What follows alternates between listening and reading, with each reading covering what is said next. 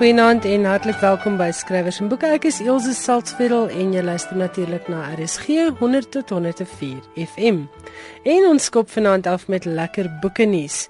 Die ATKV woordfeertjie finaliste is verlede week bekend gemaak. Nou soos julle weet, die ATKV bekroon mense vir wonderlike werk wat hulle in Afrikaans doen en die woordfeertjies is elke jaar 'n hoogtepunt op die skrywers se kalender. Die finaliste vir die ATKV Prosa Prys, dis nou die groot prys wat die ATKV toeken aan letterkunde. Hierdie jaar is die drie finaliste Esther deur Corneels Breitenberg, 1000 stories oor Johannesburg deur Harry Kamer en Kampoer deur François Smith. Die prys vir die liefdesroman, die drie finaliste daar is Stilettos van Staal deur Bernet Bergentyn, Ewebeeld deur Janet Paul en Raaiselspeel ook deur Janet Paul. Die prys vir poësie se drie finaliste is Karnaval en Lent deur TT Kloete, Medewete deur Auntie Krog en Al die lieflike dade deur Charles Pierre Nodie. In die kategorie vir romanses is die drie finaliste Marie Louise Steyn se Ridder in 'n wit jas, Liefde sonder voorbehou deur Elsa Winkler en nog 'n Elsa Winkler boek Tydlose liefde. Die prys vir spanningslektuur se drie finaliste is Dubbelspel deur Wilna Adrianse, Die 13de kaart deur Madeleine Rust en Donker spoor deur Martin Stein. In die prys vir die dramatieks, daardie kategorie se finaliste is In glas deur Nicola Hannekom, Al julle volke deur Wessel Pretorius en Die dag is bros ook deur Wessel Pretorius. Van ons kant af baie geluk aan al hierdie finaliste van die ATKV woordfeertjies. Die wenners word op Vrydag 11 September in Durbanville aangekondig.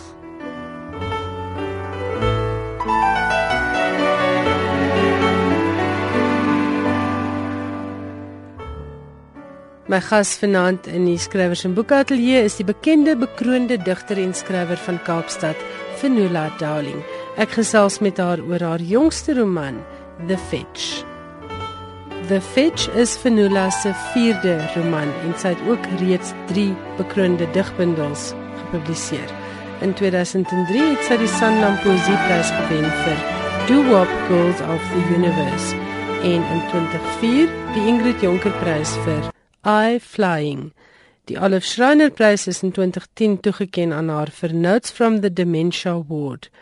En in 2012 het sy die Mnet Literêre Prys vir Engelse fiksie gewen met Homemaking for the Down at Heart. Fenula, baie welkom by Skrywers en Boeke. Jy het vir my gesê net voor ons op die lig gekom het dat jy wel Afrikaans verstaan, maar dat jy bietjie huiwerig is om dit te praat en ek is seker ons luisteraars sal dit verstaan. Thank you so much for having me. Jy het 'n Ierse naam. Wat presies beteken Fenula? It comes from an Irish myth And the Irish myth concerns two children who were turned into swans. And Fanula was the little girl who was turned into a swan, and so the name means white shoulder, which refers, I suppose, to the white shoulder of a swan. And the reason I was given that name is we I come from a very large Catholic family, and I was number seven. And at that stage, my mother was tired, and she let my father go off and register the birth. And he was the one with the Irish her- heritage. And so he took that opportunity to express his love for Ireland and, and Irish myth. And actually, that's, that's lovely because, of course, you know, so many great writers come from Ireland. Ja, ouers was bekende radiomense. Vertel ons 'n bietjie meer van hulle. Yeah, my father was known as Paddy Dowling, and he had a number of shows. One of them was called Knock on the Door, Richard. I think he also read the news, and he had a lovely voice. And uh, then my mother was perhaps better known. She did a lot of radio book reviews, just as you do, for Women's World, and then kind of witty scripts. And I think what I learned from both of them was the importance of the spoken word, so that as a writer, you should also be thinking about what do these sentences sound like? That we shouldn't really be writing in a way that is so stilted or stylized that it's beyond conversation. Conversation is the warm voice that we love to hear. So to somehow instill into my writing a warm, conversational, spontaneous, and, and witty feel. And of course, there being so many children and these two very busy parents, you know, if you wanted to be heard by your parents, you had to be witty and sharp and to the and point. You had to talk. Yes. and your mum was Eve van der Bijl, um, and you said she was on the English service mostly, and your dad was Paddy Dowling. Some people might remember him from Springbok Radio. Some people might remember him from Springbok Radio, yes. Ons het net 'n week of wat gelede in hierdie program gepraat oor Stephen King se brokkie raad aan skrywers dat 'n mens alles wat jy skryf hardop moet teruglees sodat jy kan hoor hoe dit klink. You know what it is the the importance of conversation is that when we are conversing when I'm speaking to you Ilse now I'm thinking about your response and it's no good to sit in your study or your office writing without having a reader in mind. It should be conversational in that sense. It's transactional. I'm, I'm thinking, I'm reaching out to you. That's how I see my writing. writing. I'm reaching out to a reader. I'm, I'm saying, you know, I think this or I feel this or this worries me. Do you feel the same way? Ja, en op 'n manier sluit 'n skrywer wel 'n kontrak met 'n leser. Hy gee vir jou sy tyd en sy geld en jy beloof vir hom 'n goeie storie. Yeah, and I so that's why I don't believe in punishing the reader. Some of my books deal with some quite serious and um, harsh subjects, illness and death, for example. But I feel when I'm writing, I'm trying to create a structure over above the reader's head. So I'm I don't let it all come crashing down on them. Mm. I At wanted to, time. yeah, I Mm. wanted to feel light and airy. I wanted to f- the book to feel like a nice place to live, a nice place to come and spend your evening. Because I imagine my readers read the way I do, which is I lie in bed at night, you know, with my little light on, and it's what I do before I go to sleep. So I don't want a whole lot of violence. I don't want something that's incredibly difficult, that's very highbrow. I want great characters um, that I can identify with and a world that sort of sets things right for me. Ek moet jou geluk wens met The Fetch want dit wat jy nou sê het ek in jou boek gekry. Ek het al hierdie uiteenlopende maar baie geloofbare driedimensionele karakters daar gekry. Jy het 'n dorpie geskep waar ek graag sou wou gewoon het en jy het terselfdertyd op 'n ligte manier oor baie ernstige kwessies geskryf. Waar kry jy jou temas vandaan? Want ek weet jou digbundels is ook baie meer ernstig met ernstige temas. So waar kom die inspirasie vir jou temas vandaan? Yeah, I think the theme is the most important um, thing to start with. And for me, it is something that has preoccupied me in my own life. Uh, I'll take my previous book as an example so that we don't spoil the, the Yes, plot no, of this book. People must go out and buy this book. the, the previous book, Homemaking, um, what was preoccupying me at that time was my mother's dementia and how it made me feel as a woman who still had a young child at school on the one hand that I was dealing with, and now this ailing mother entering dementia with with um, huge needs on the other, and to try to describe that life in as sympathetic a way, you know, and yet a realistic way as well. Um, so it starts with with that thought. I wondered. I sat there wondering: Does anybody, has any other woman out there felt the way I do? I feel desperate. Here's this woman I love and have admired, who has guided me so much in my in my life, and now she's deteriorating in this way. She's lost her joie de vivre. Um, she's she's lost her, her literacy. You know, stopped reading. She she's anxious. She wanders around the house, and I started with that troubling concern and then I build the story and I bring in the other characters. It's almost like I audition the other characters. They come mm. into my mind and they say, I'd like to be in this story. Yes. And I say, okay, I can see that you could be this character or that character.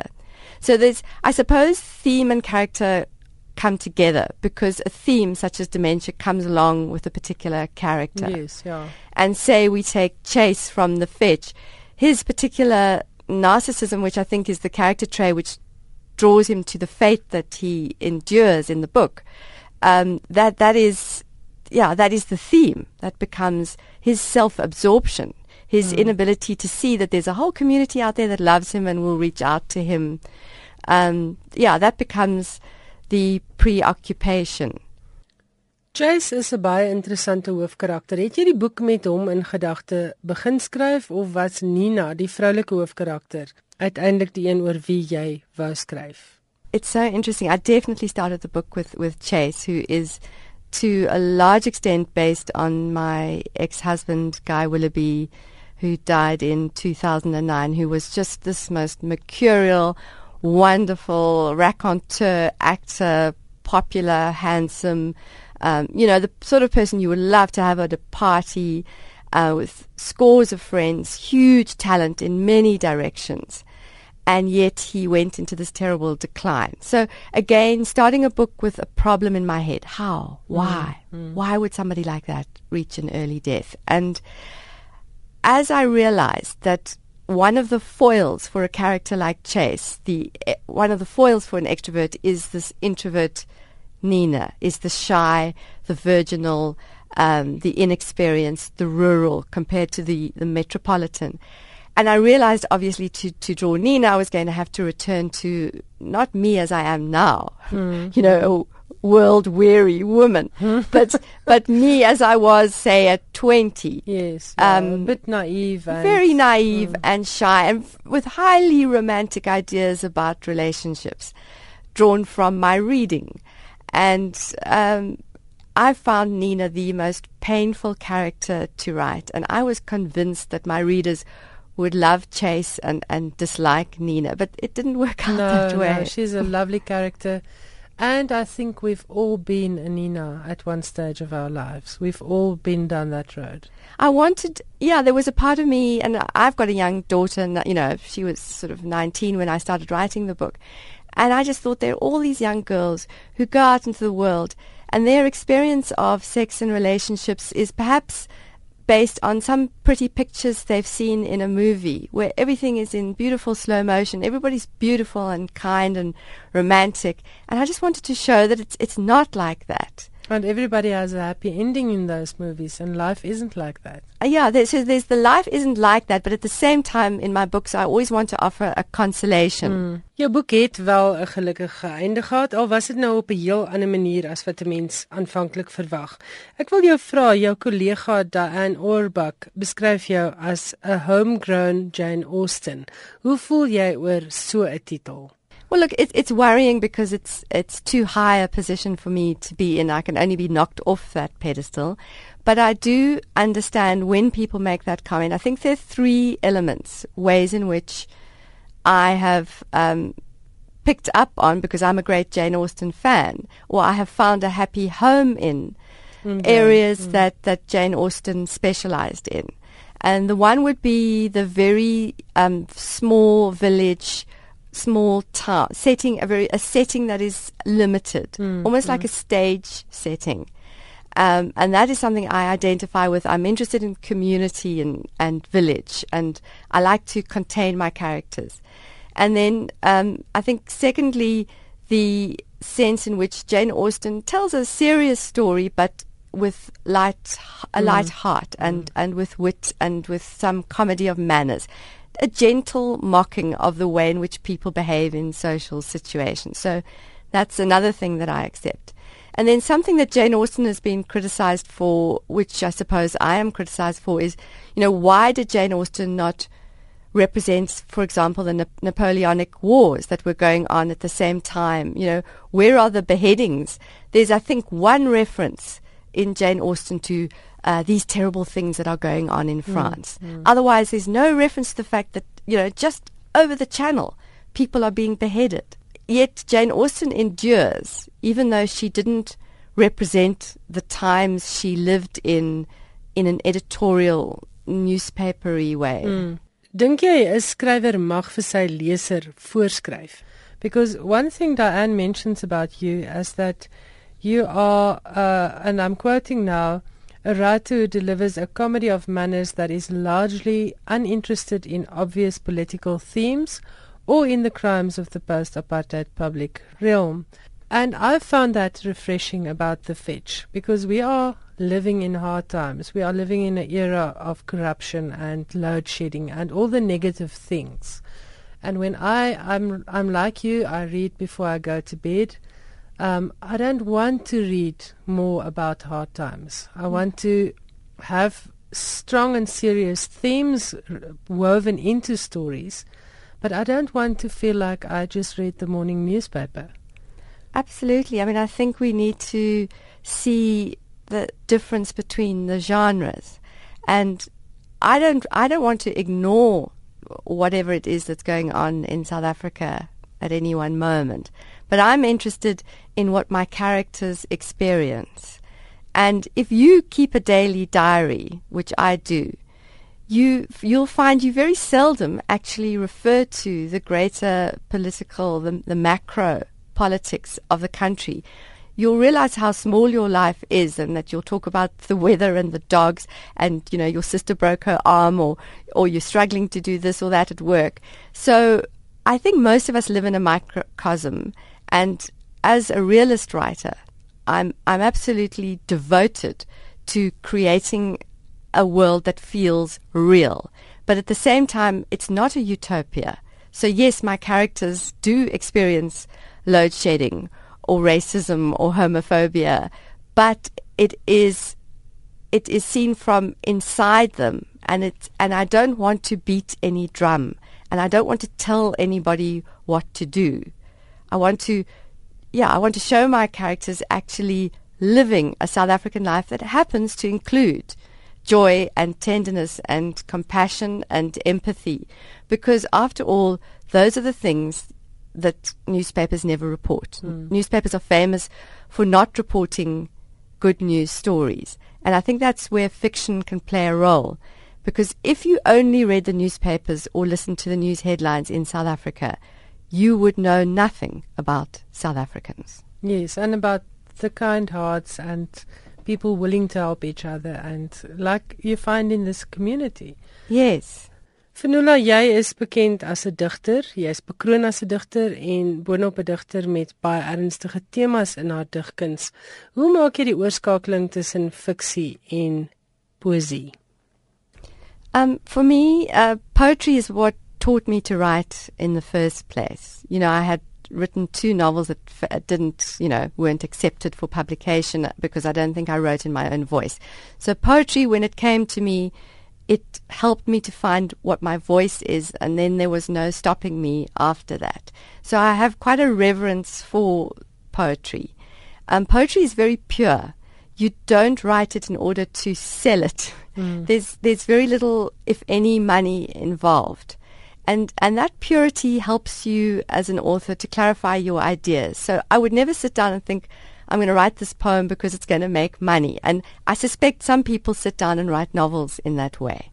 And I think by by purifying my literary landscape, I then can go on to explore the ideas that will later have a, a bigger um, a bigger field in in the next novel. So essentially, I try out ideas in poetic form first. It's almost like a sketchbook.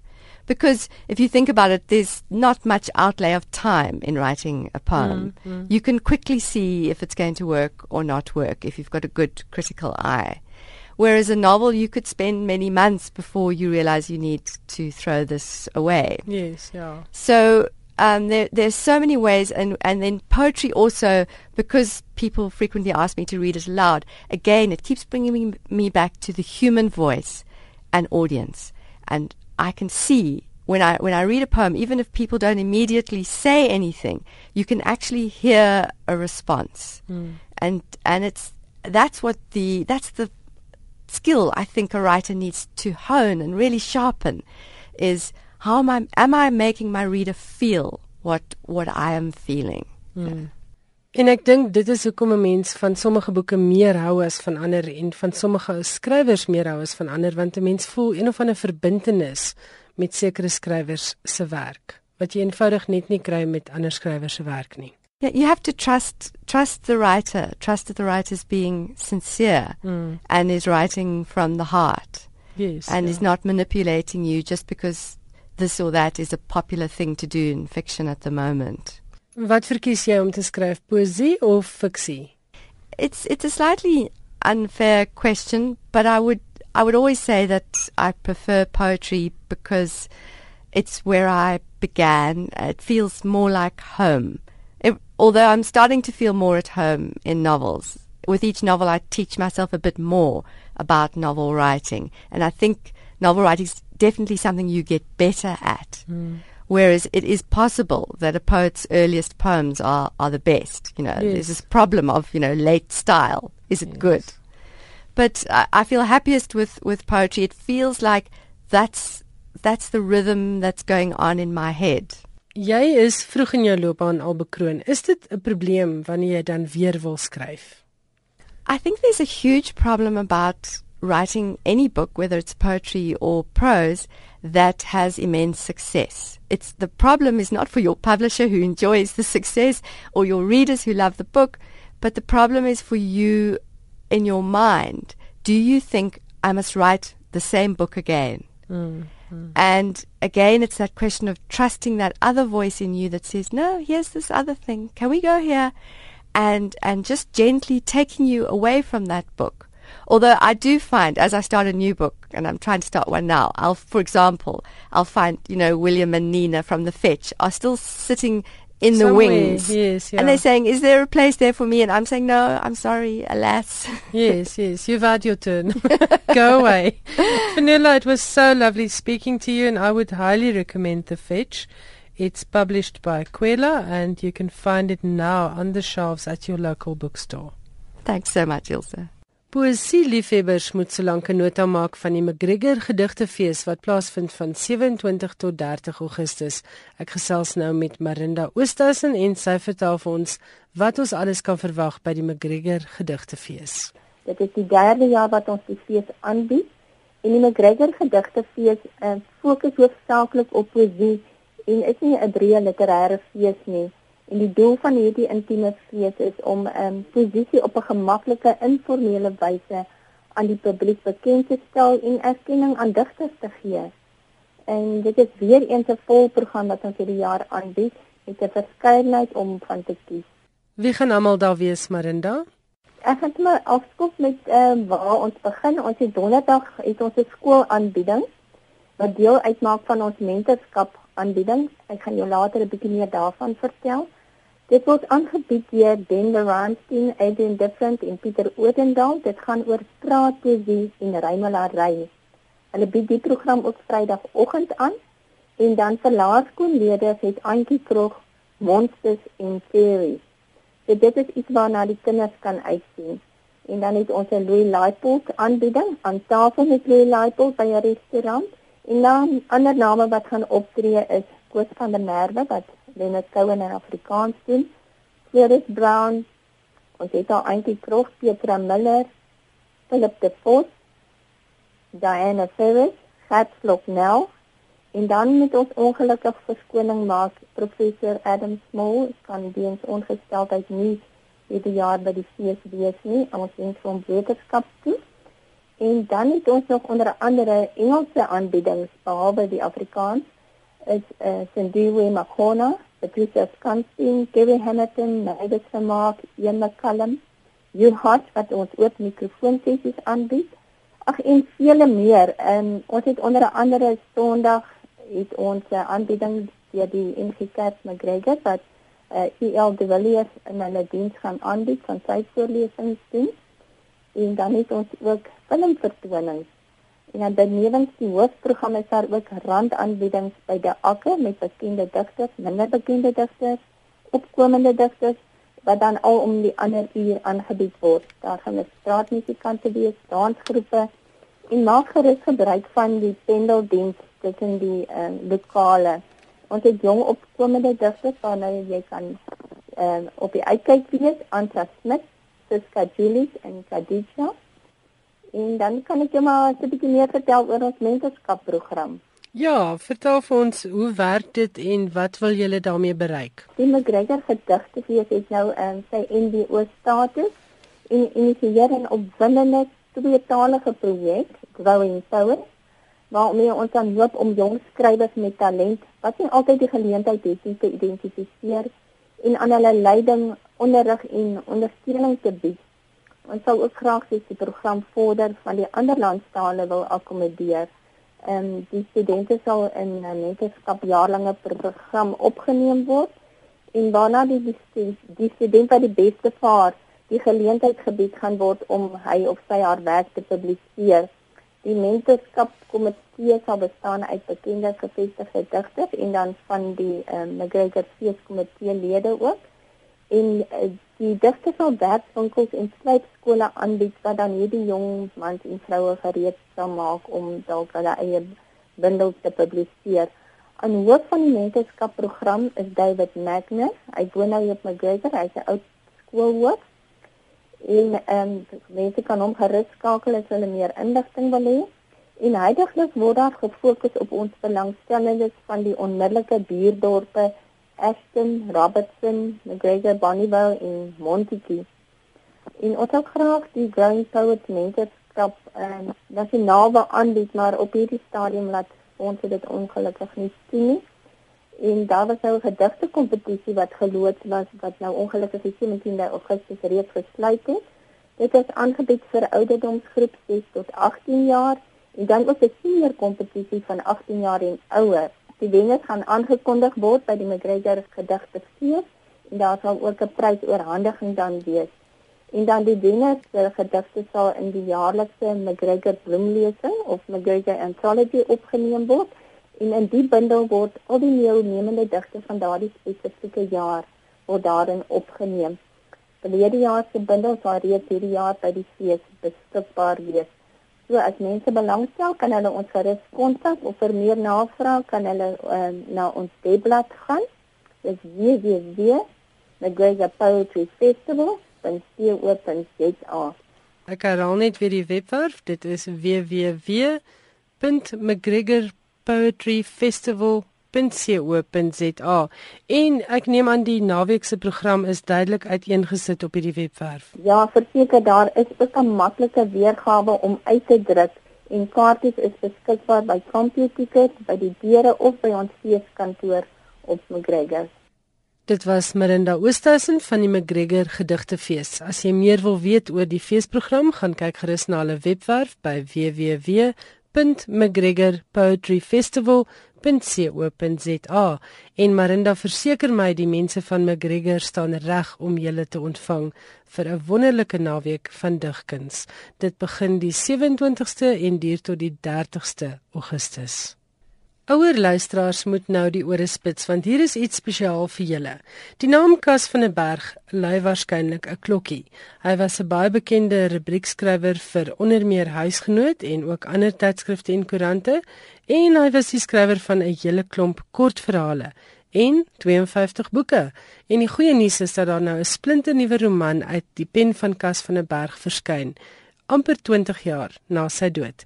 Ek het gesels met Dustin, een van die mense wat hierdie boek moontlik gemaak het.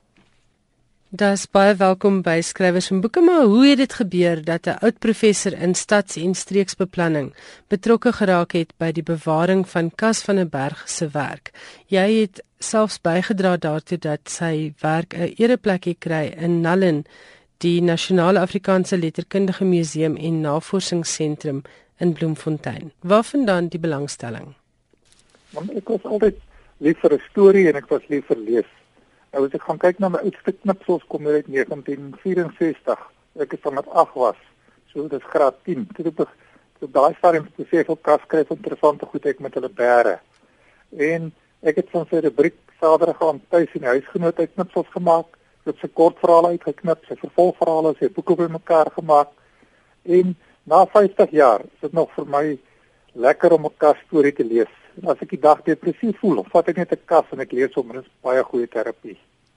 Nou dit jy sê Saterdag aan tuis en huisgenoot. Ek onthou dit ook. Dit was tot so in die laat 70s in huisgenoot as ek reg is. Ja, ek vir 7 jaar op 'n die, die rubriek gehad wat een van die langste rubrieke op daardie stadium wat verskyn het en het oor alles geskryf, mense kwaad gemaak, maar ook baie interessante goed geskryf. Nou het jy weier gelees as Kas en Kas is nou maar net vir jou die grootste van die Afrikaanse skrywers of is jou liefde vir Afrikaans spesifiek rondom Kas van der Berg gesentreer? Ek lees byna alles, maar ek is te dom om letterkunde te lees, jy weet.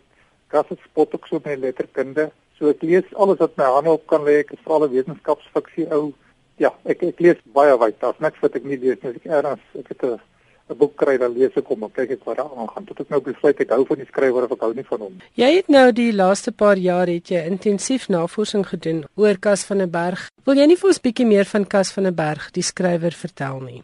Kas van der Berg is 'n boerseun wat in die Bosveld, in Matlaplein, Rustenburg gestrik gebore is. Hy het tikkies gestudeer en later het hy prokureur geword in Randfontein. Hy was 3 keer getroud en het 4 dogters. Nou Jaap Stein in sy boek ons gaan 'n taal maak skryf Kas van der Berg was min of meer die 60er onder die skrywers van ligte leesstof. Al het hy in die 1950s begin publiseer en dan skryf hy verder van hom. Hy sê hy was polities verlig. 'n liberalis is gesê. Hy het al in 1950 ligweg skuins opmerkings oor apartheid gemaak. Maar dan skryf Kas in 'n rubriek klip in die bos wat in die Transvaal verskyn het oor homself en die liberalisme en dan sê hy vir my is 'n boere liberalis by die Engelse liberaliste totaal onbegryplik. Ek dink hulle is sielkundige gevalle, werklik besmet met die druk tot selfvernietiging. En dan maak hy 'n klomp aanmerkings oor die hele idee van die utopie wat sou kom as ons 'n nuwe Suid-Afrika kry en hy so het 'n klomp goed uit uh, oorgeskryf. Hy was 'n groot liefhebber van die geskiedenis, van die digkuns en die Suid-Afrikaanse geskiedenis veral goed geken en sy held was president Steyn. So, hoe sal jy hom kategoriseer? Jy sê nou hy het, hy het ligte leesstof geskryf, maar ek hoor deesdae praat hulle darm van ligter leesstof as hoofstroom letterkunde. Sou jy sê hy was in die eerste plek kommentator of fiksieskrywer? Wat dink jy is sy bydrae tot die letterkunde? As ek nou so dood eenvoudig gaan kyk, dan praat Kas van der Berg verwys na homself as 'n storieverteller en nie 'n letterkundige nie. Nou Kannemeyer het in sy eerste het in sy werk geskiedenis van Afrikaanse literatuur band 2 geskryf dat Kas het 'n belovende begin gehad met sy eerste boeke maar toe het hy om besig gehou met goedkoop verstrooiingsliteratuur. Nou Kas sê dink nie so nie. Kas het gesê hy het goed geskryf vir mense wat graag wil lees en hy het geskryf om geld te maak. En dan is 'n Engelse skrywer, uh, Jeffrey Archer, het in 'n onderhoud gesê hier in 2012 dat hy was in Londen om sy nuutste boek bekend te stel. En dieselfde aand het Nadine Gordimer ook haar jongste boek bekend gestel. Hy sê die resensente het mal gegaan oor haar boek, hoe sy die beste skrywer in die wêreld is. Hy sê dat sy die Nobelprys gewen. Die eerste 3 dae daar in uh, Londen het Jeffrey Archer 27700 eksemplare van sy boek verkoop terwyl Nadine Gordimer 253 verkoop het. Sê dis die verskil tussen 'n storieverteller se boeke en skrywers in. So Kas was 'n storieverteller en dit wat hy graag vir mense gesê het. Miskien as jy gaan kyk na wat hy geskryf het, hy het oor die kortverhale geskryf in tydskrifte, 52 boeke oor enige onderwerp waarin jy kan dink en hy het nogal 'n klompie snaakse goed gedoen want Kas het altyd so op 'n siniese manier sosiale kommentaar gelewer oor wat aangaan. Byvoorbeeld in hierdie genre wat hy nou geskryf het, die ligte leesstof. Dit is 'n klassieke kasopmerking, byvoorbeeld waar die pastoor se vrou hom daaraan herinner dat hy die herder van die gemeente is en nie die stoetram nie. ja, dit is sosiale kommentaar, nee. Hoe het dit gebeur dat jy 'n nuwe kas van 'n bergroman uitgee? Kas is in 97 oorlede. Ek het in die berigie in die, in die koerant gesien dat hy 'n dogter wat 'n professor in regte is by Unisa en ek het met haar kontak gemaak en gehoor al sy manuskripte uit handgeskrewe manuskripte gehad het sy dogter in St. Lucia ek het soontoe goed te gaan kyk en daar was 'n hele reeks van skryfwerk wat redelik onbekend was en daar was 18 sê maar vollengte verhale wat ek glad nie ken nie wat nooit gepubliseer is nie party is nog in 'n robot toestand jy sal sal hulle met aandag gee maar die manuskripte is mooi leesbaar met die hand geskryf. Jy sê die boek handel oor 'n onderwerp wat baie na aan Kas se hart gelê het. Wat is dit? Hy een keer in 'n Saterdag in 1969 vra hy homself die vraag: Wat is die grootste ambisie as skrywer, die Hertzogprys? Nee sê hy, om 'n goeie storie te skryf oor die 3-jarige oorlog, oor die Vrystaat en sy helde, die Transvaal en sy henselters. Hierdie roman oor die Anglo-Boereoorlog, wat Kas altyd wou skryf, is heel moontlik vryheid verwel wat nou gepubliseer is. Was hierdie voltooide manuskrip toe nou tussen die manuskripte wat jy by Sonja ontdek het? Dis daar ja. Ek kan vir jou iets sê oor die boek self. Gert van der Westhuizen het gister in 'n resensie in Nasionale Koerant se boeke rubriek het hy die boek baie goed saamgevat as hy skryf Die verhaal gaan oor Hannes van Sail, 'n Kaapenaar met 'n regsgraad in Oxford wat onwillig by die oorlog betrek word omdat hy die guns van 'n meisie wil wen. Dan sit hy verskillende slagvelde betrokke deur die oorlog en dan kyk hy net na die skryfkas uit die oë van hierdie ontnigterde van Saul en sy ander karakters wat kas 'n mens opnuut wonder oor uh, wat vryheid nou werklik is. Kas het natuurlik 'n unieke manier gehad om mense en gebeure uh, te verduidelik. Dit is 'n soort van uh, fyn spot wat hy tussenin het met mense en dinge wat gebeur. Maar dit gaan ook verder. Dit gaan ook die hele boek gaan oor 'n hele herkyk na die geskiedenis onderwysstyd en dan sê resensie sê byvoorbeeld die frases soos die word nie altyd genoeg in Afrikaans gevra nie veral nie oor die Anglo-Boereoorlog nie dit sal enige leser heel wat gee om aan te herkou dit op sigself maak dit die moeite werd om vryheid vaarwel te lees Goed, vertel gou vir my wie gee hierdie boek uit? Is dit jouself of het jy 'n uitgewer gebruik? Ons het 'n uitgewer, 'n kleinerige uitgewer, is 'n vriend van my David Du Plessis. Hy het 'n uitgewery begin so jare of 2 terug. Hy was al die jare 'n boekhandelaar Priska Uitgewers. Die boek is miskien net vir mense sê dit is in groot druk uitgegee en uh so wat maklik gelees kan word. Die uitgewers is Priska Uitgewers met 'n C, P R I S C A. Priska Uitgewers, as jy mense wil bestel, dan kan jy dit bestel by Priska Uitgewers by yahoo.com. Ek het 'n telefoonnommer opgegee. Die nommer is 082 495 73 78. Die prys is R200 posgeld ingesluit. So gesels Dustin, die kas van 'n bergaanhanger wat nou gehelp het dat daar 18 jaar na kas se dood weer 'n nuwe roman van hom op die rakke is. As jy die boek wil bestel, dit is in groot druk, met ander woorde ook ideaal vir ouer lesers, kan jy dit bestel by Priska Uitgewers by yahoo.com. Die telefoonnommer is 082 495 7378.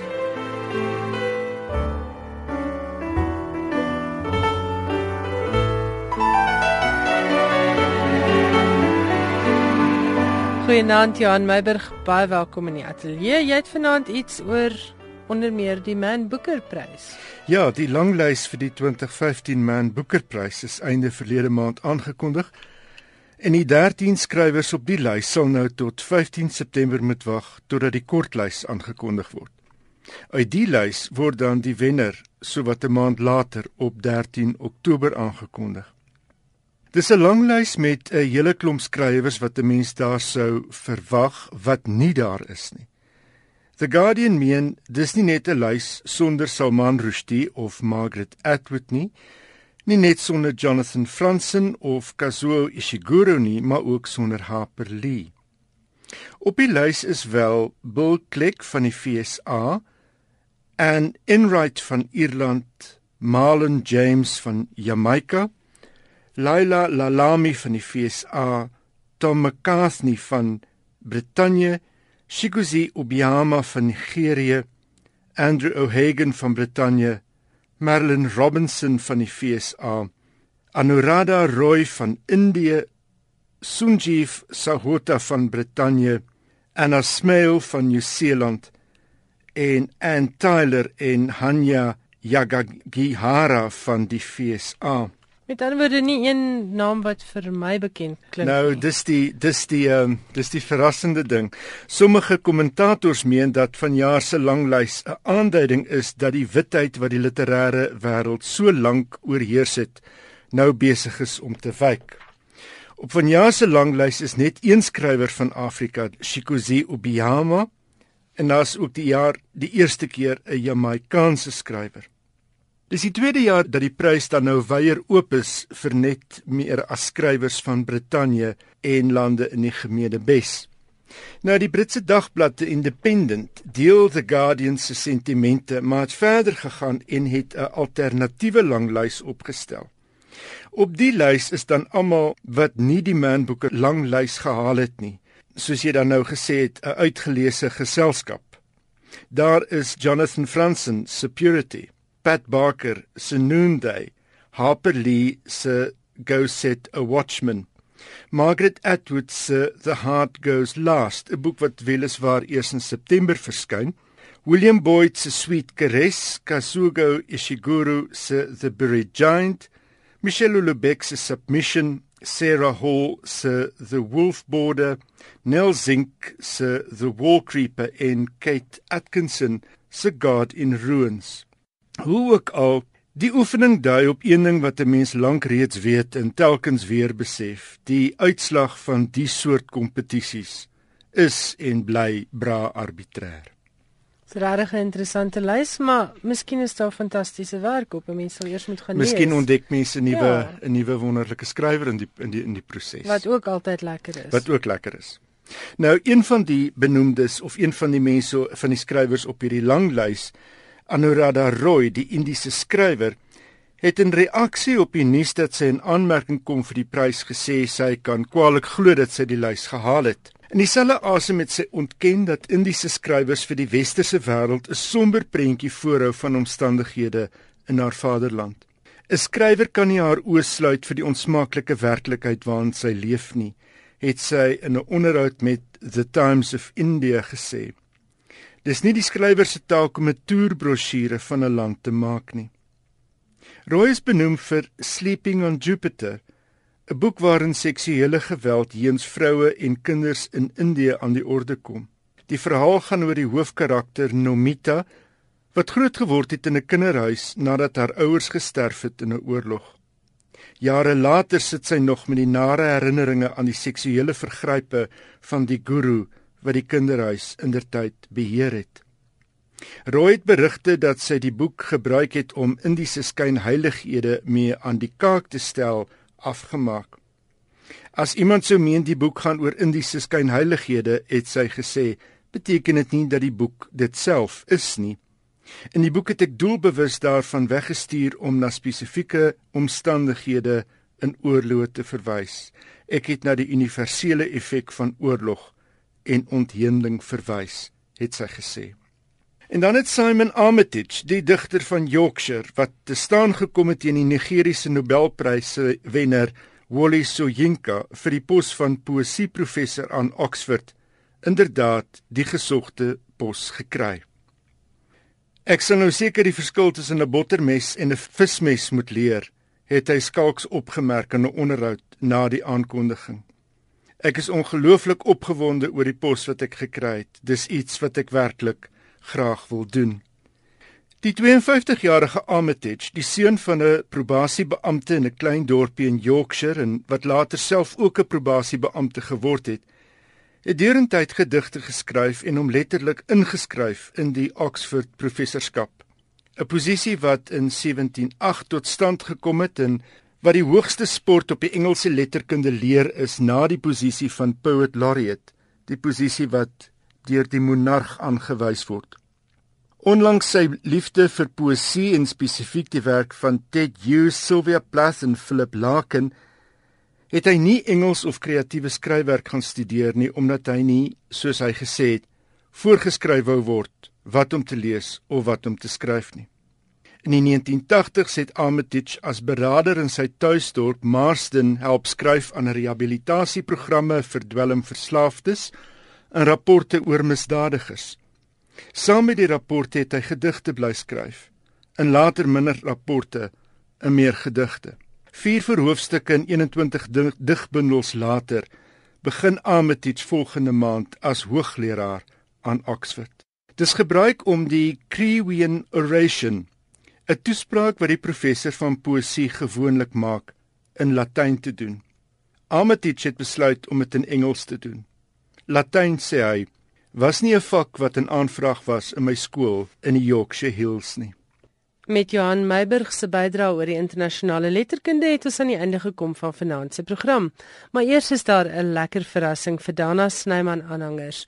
Julle staan 'n kans om nog een van 5 eksemplare van Dana se nuwe boek in die blou kamp te wen.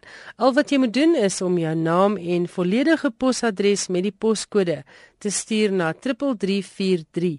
Elke SMS kos R1.50 en onthou ons soek jou naam en volledige posadres. Jy sal dan 'n kans staan om een van 5 eksemplare van In die Blou Kamp te wen. Wenners sal hulle pakkies binnekort in die pos ontvang. daarmee groet ek Elsje Salzwetel dan tot volgende woensdag aand hier op RSG 100 tot 104 FM of op audiokanaal 913 op DStv of natuurlik op jou selfoon of rekenaar. Maar hoe dit ook al sê, ons het 'n afspraak vir volgende Woensdag aand vir nog 'n uitsending van skrywers en boeke. Tot dan bly ingeskakel op Finanse RSG programme, daar's nog heerlike musiek en dis nog lekker vroeg in die aand. Ek hoop jy het 'n heerlike boek waarmee jy nou in die bed kan klim. Totsiens.